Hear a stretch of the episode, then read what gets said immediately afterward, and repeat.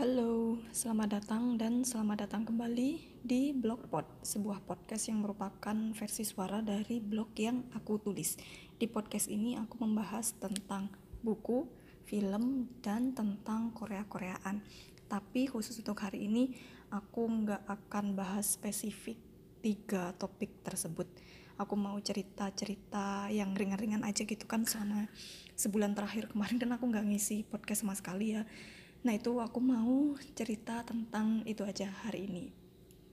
Jadi di blog pun, di blog yang K-pop maksudnya, aku itu intensitas ngisi kontennya di sana agak menurun drastis ya sejak eh, akhir-akhir uh, tahun 2021 dan memang aku lagi lebih aktif ngisi blog itu di blog yang satunya yang mm, nggak mm, bahas tentang K-pop K-popan gitu. Jadi aku itu sejak Yongke masuk Wamil, Yongke Day6, aku jadi nggak terlalu ngikutin hiruk pikuk dunia K-pop. Jadi ya paling-paling kemarin tuh cuman ngikutin comebacknya Seventeen gitu kan mereka lagi comeback Ataka bulan Oktober. Nah comeback Ataka tuh surprisingly nggak segelap yang aku pikir gitu. Aku kira kan bakal dark gitu kan konsepnya. Tapi ya ternyata nggak dark dark banget gitu. Dan itu pun aku lupa uh, title tracknya kayak apa. Jadi aku malah terngiang-ngiangnya itu waktu mereka comeback left and right gitu. Aduh sih ya semacam gagal move on lah ya. Nah terus uh, kalau title tracknya aja lupa gimana B-side gitu kan? Ya udah udah lepas semua lah nah jujur aku nggak langsung dengerin semua lagu di album Ataka sih. Ya kayak tumben banget gitu kan. Biasanya kalau ada comeback tuh aku langsung dengerin semua lagunya tuh di hari yang sama gitu. Nah waktu uh, akhir-akhir bulan Oktober 2021 kemarin tuh aku kayak males gitu rasanya.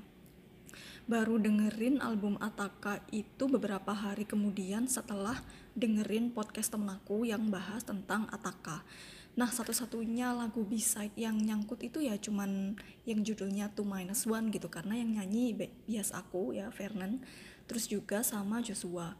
Nah lagu Two Minus One itu lagunya dibawain dalam bahasa Inggris dan musiknya tuh kayak ngingetin ke band-band sejenis Simple Plan gitu loh jadi ya kayak nostalgia masa SMP gitu deh terus uh, lirik lagu Two Minus One sendiri itu ceritanya tentang orang yang putus dari pacarnya terus dia trying so hard to look okay gitu. Terus trying so hard to look nggak butuh mantannya lagi. Tapi dalam lubuk hatinya yang paling dalam itu dia masih belum bisa move on. Kayak gitu. Nah terus selain nyimak Seventeen di bulan Oktober kemarin itu aku nonton MV-nya Twice yang judulnya The Feels. Terus sekarang aku lupa lagunya kayak gimana terus aku dengerin lagu lagu barat gitu yang penyanyinya itu namanya Jax. Nggak tahu ini pronunciationnya gimana pokoknya tulisannya itu J A X. Nah judul lagunya itu Like My Father. Menurut aku lagunya bagus. Jadi waktu aku nonton video yang dia nyanyi bareng orang tuanya itu aku sampai nangis gitu. Terus habis itu aku nonton MV-nya Espa juga yang judulnya Savage terus ya sama kayak MV Twice tadi aku lupa lagunya kayak gimana. Dan kalau dilihat-lihat lagi di apa namanya nih YouTube history aku itu tuh bulan Oktober itu kebanyakan aku habisin untuk buat video buat channel pribadiku gitu. Jadi eh, aku punya channel YouTube yang isinya aku khususkan untuk review buku. Jadi waktu bulan Oktober kemarin itu aku banyak nontonin video booktubers di luaran sana itu sebagai referensi kayak gitu. Terus uh, selain berkutat tentang perbukuan di bulan Oktober 2021 kemarin aku juga sibuk dengan uh, nyimak konten-konten olahraga badminton gitu. Nah di bulan Oktober itu kan akhirnya tim Thomas Indonesia bawa pulang Piala Thomas kan setelah 19 tahun. Nggak nggak ada di Indonesia gitu. Nah terus setelah event Thomas sama Uber Cup itu aku lanjut ngikutin mereka tanding di rangkaian pertandingan Eropa. Jadi kayak Europe Tour gitu. Terus uh, habis tour Eropa mereka ada turnamen di Bali gitu. Kayak wah padet deh pokoknya. Terus ya efeknya ke aku jadinya ya aku meleng gitu dari dunia K-pop. Hmm, jadinya apa namanya fokusnya ke badminton kayak gitu. Terus lanjut di bulan November aku nonton MV comebacknya si N Blue yang judulnya Love Cut. Nah aku lebih suka Love Cut ini sih daripada uh, comeback mereka yang sebelumnya kan. Soalnya Love Cut ini tuh lagunya apa ya agak lebih fun lah ya. Terus juga MV-nya juga apa sih bukan bukan yang melo gitu loh. Karena kan aku anaknya ya emang nggak suka lagu melo sama sedih gitu jadi ya comeback CN Blue yang Love Cut ini lumayan menghibur nah terus di bulan November itu aku keinget kalau uh, ada apa namanya uh, aktor yang waktu kecil itu dulu merupakan merupakan child crush aku gitu namanya Jonathan Brandis. Nah si Jonathan Brandis ini meninggal di bulan November belasan tahun yang lalu ya. Jadi ya terus aku jadi ikutan sedih gitu. Terus um, ini impact Jonathan Brandis ke aku gimana sampai aku sedih banget sama uh, kepergiannya dia dari dunia ini gitu aku bahas di episode lain kali ya kalau di sini nanti kepanjangan gitu oke okay, anyway hmm, selain CN Blue itu ada MV MV lain yang aku tonton. Beberapa artis lain selain CN Blue yang aku dengerin musiknya sama nonton MV-nya itu ada CL dengan MV yang judulnya Let It. Terus ada Secret Number yang Fire Saturday sama Tiara yang Tiki Taka. Nah tiga-tiganya itu aku lupa gimana lagunya terus uh, di bulan November ini juga aku ngikutin apa namanya event badminton tadi kan yang di Bali. Nah kalau di bulan Oktober itu aku binge watching videonya Mbak Wit. Sorry.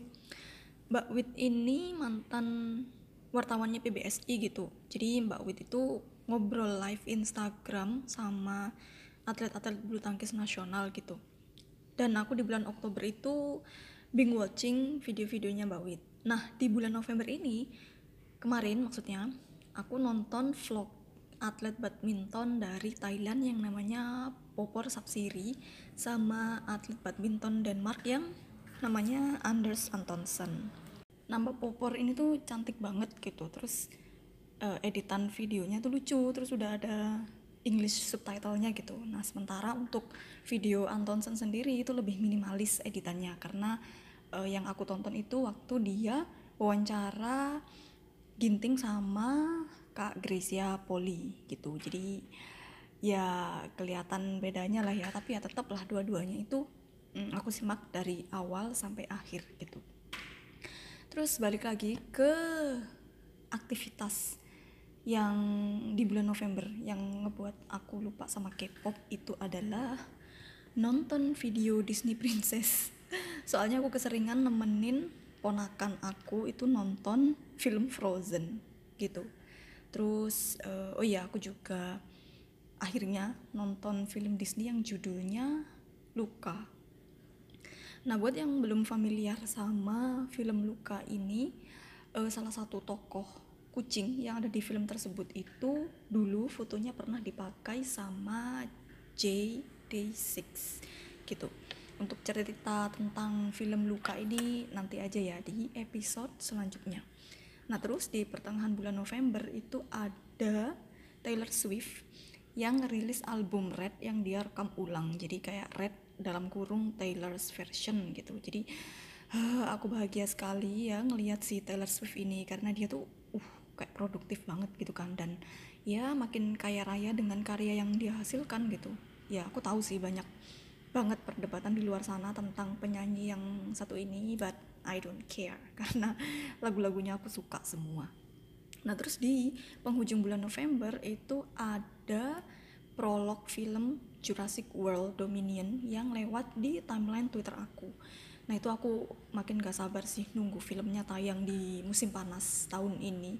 Dan ya walaupun aku nungguin filmnya gitu tapi aku nggak mau naruh ekspektasi tinggi sih. Aku nggak mau kecewa. Nah terus ini. Gong di akhir bulan November adalah aku kerja lembur kayak kuda. Aku lupa istirahat dan akhirnya aku tumbang secara fisik dan mental. Aduh ini tuh bener-bener gimana ya? Ini nyambung sama hmm, keaktifan aku kelihatannya di blog itu kayak aku aktif banget kan tapi di podcast kan aku bener-bener vakum ya. Nah di postingan bulan November ini tuh hampir semuanya itu adalah postingan terjadwal. Jadi eh, postingan terjadwal ini tuh fitur yang benar-benar berguna banget buat aku kan. Nah, di bulan November itu ide di kepala aku tuh rasanya kayak membludak banget gitu. Dan kalau nggak dikeluarin dalam bentuk tulisan tuh rasanya kan nggak lega ya. Nah jadi ya itu deh jadi di bulan Oktober, November, Desember itu hampir semuanya itu schedule post. Nah emang menjadwalkan postingan kayak gini tuh emang udah lama aku pinginin kan gitu, pengen tahu rasanya kayak gimana gitu. Ternyata ya enak juga, walaupun di antara enak-enak itu ada sepet-sepetnya. Ya sepet-sepetnya ya ya tentang sakit fisik dan mental itu lagi lah ya yang enaknya ya blog jadi nggak pernah sepi postingan gitu. Jadi kan aku punya dua blog seperti yang udah aku bilang tadi gitu. Tiap blog itu aku usahakan per bulannya harus ada tulisan baru walaupun cuma satu. Udah kan? Jadi ya waktu di akhir tahun aku kerja kayak kuda itu postingan semuanya udah kejadwal kan. Jadi aku udah nggak mikirin blog lah ya. Untuk YouTube sama podcast emang agak terlantar sih gitu nah terus di akhir November sama awal Desember itu ya udah uh, secara fisik aku memang ngerasa sakit tapi aku ngerasanya juga sakit fisiknya itu karena kondisi mental yang juga kurang baik.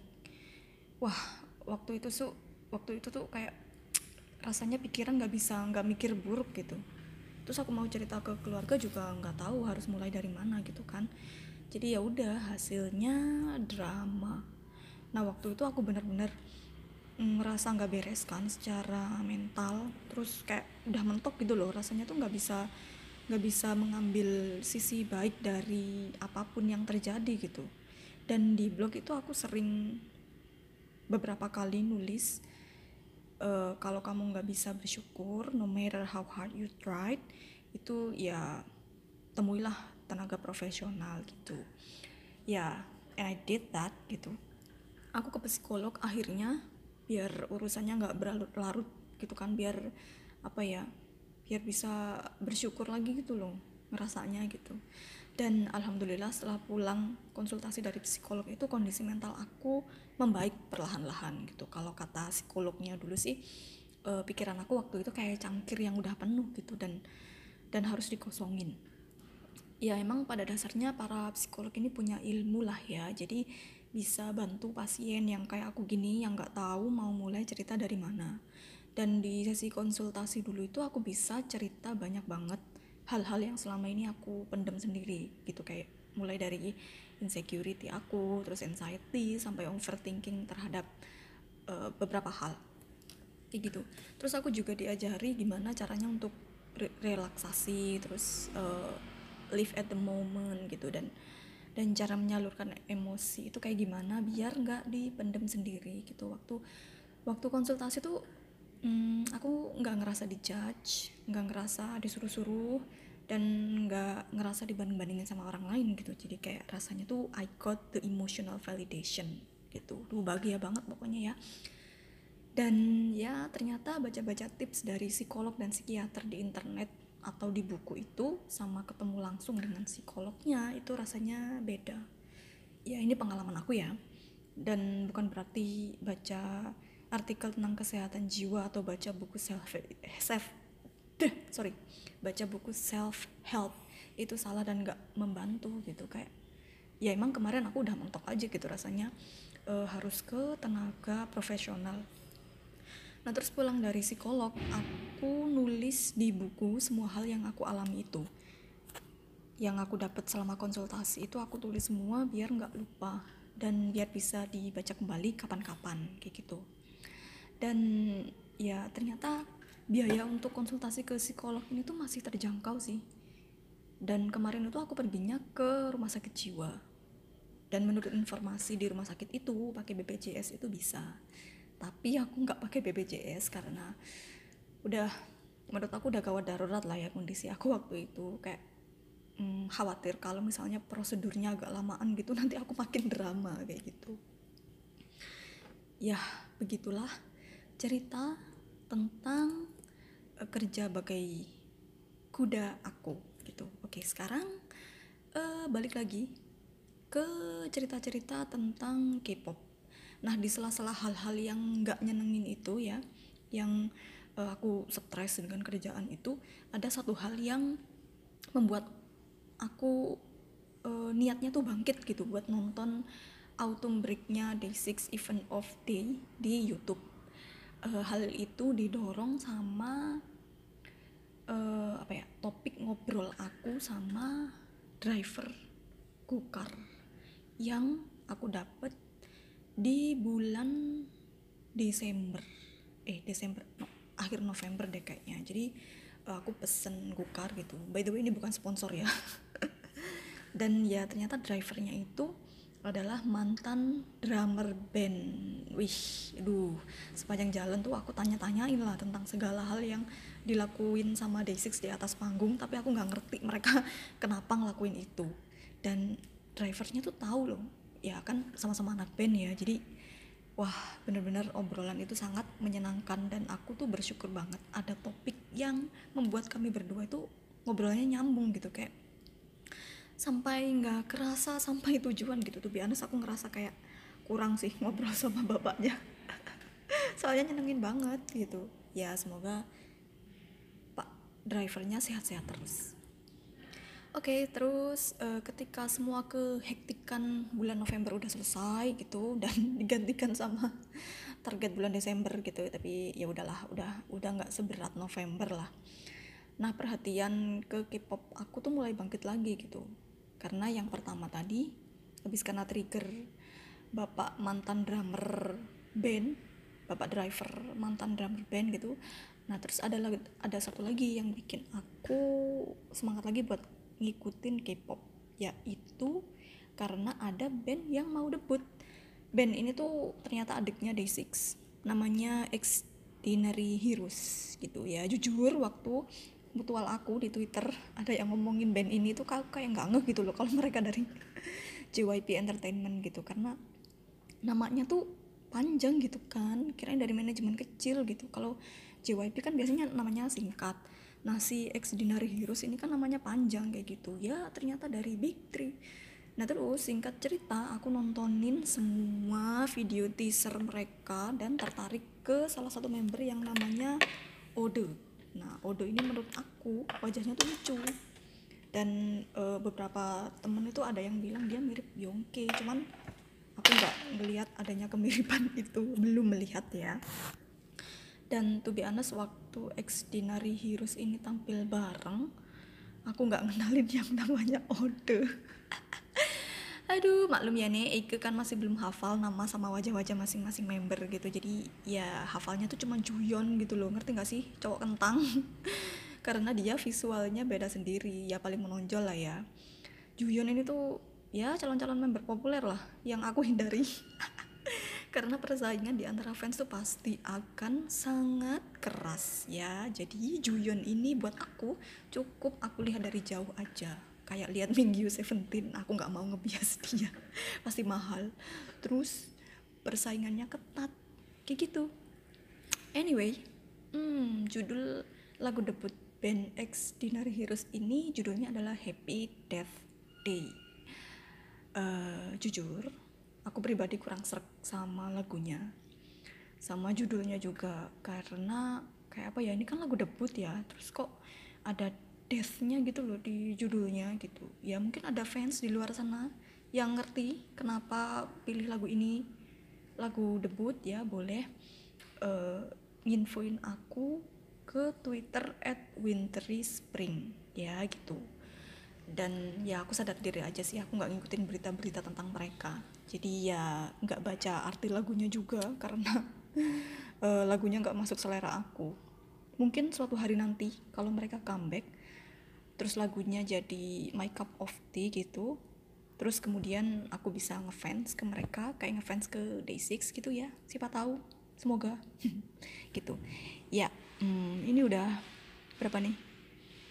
20 menitan jadi sampai di sini dulu. Terima kasih udah dengerin sampai akhir. Dan hmm, apa ya aku bingung mau ngucapinnya. Pokoknya stay happy and healthy. Don't push yourself too hard. Set boundaries. Kayak gitu ya biar nggak stres biar nggak sakit fisik dan mental gitu. Jangan lupa juga olahraga biar mengurangi stres juga. Oke ini aku ngomongnya sambil ngaca juga nasihatin diri sendiri. Ya terima kasih. Bye and see you on the next episode. Bye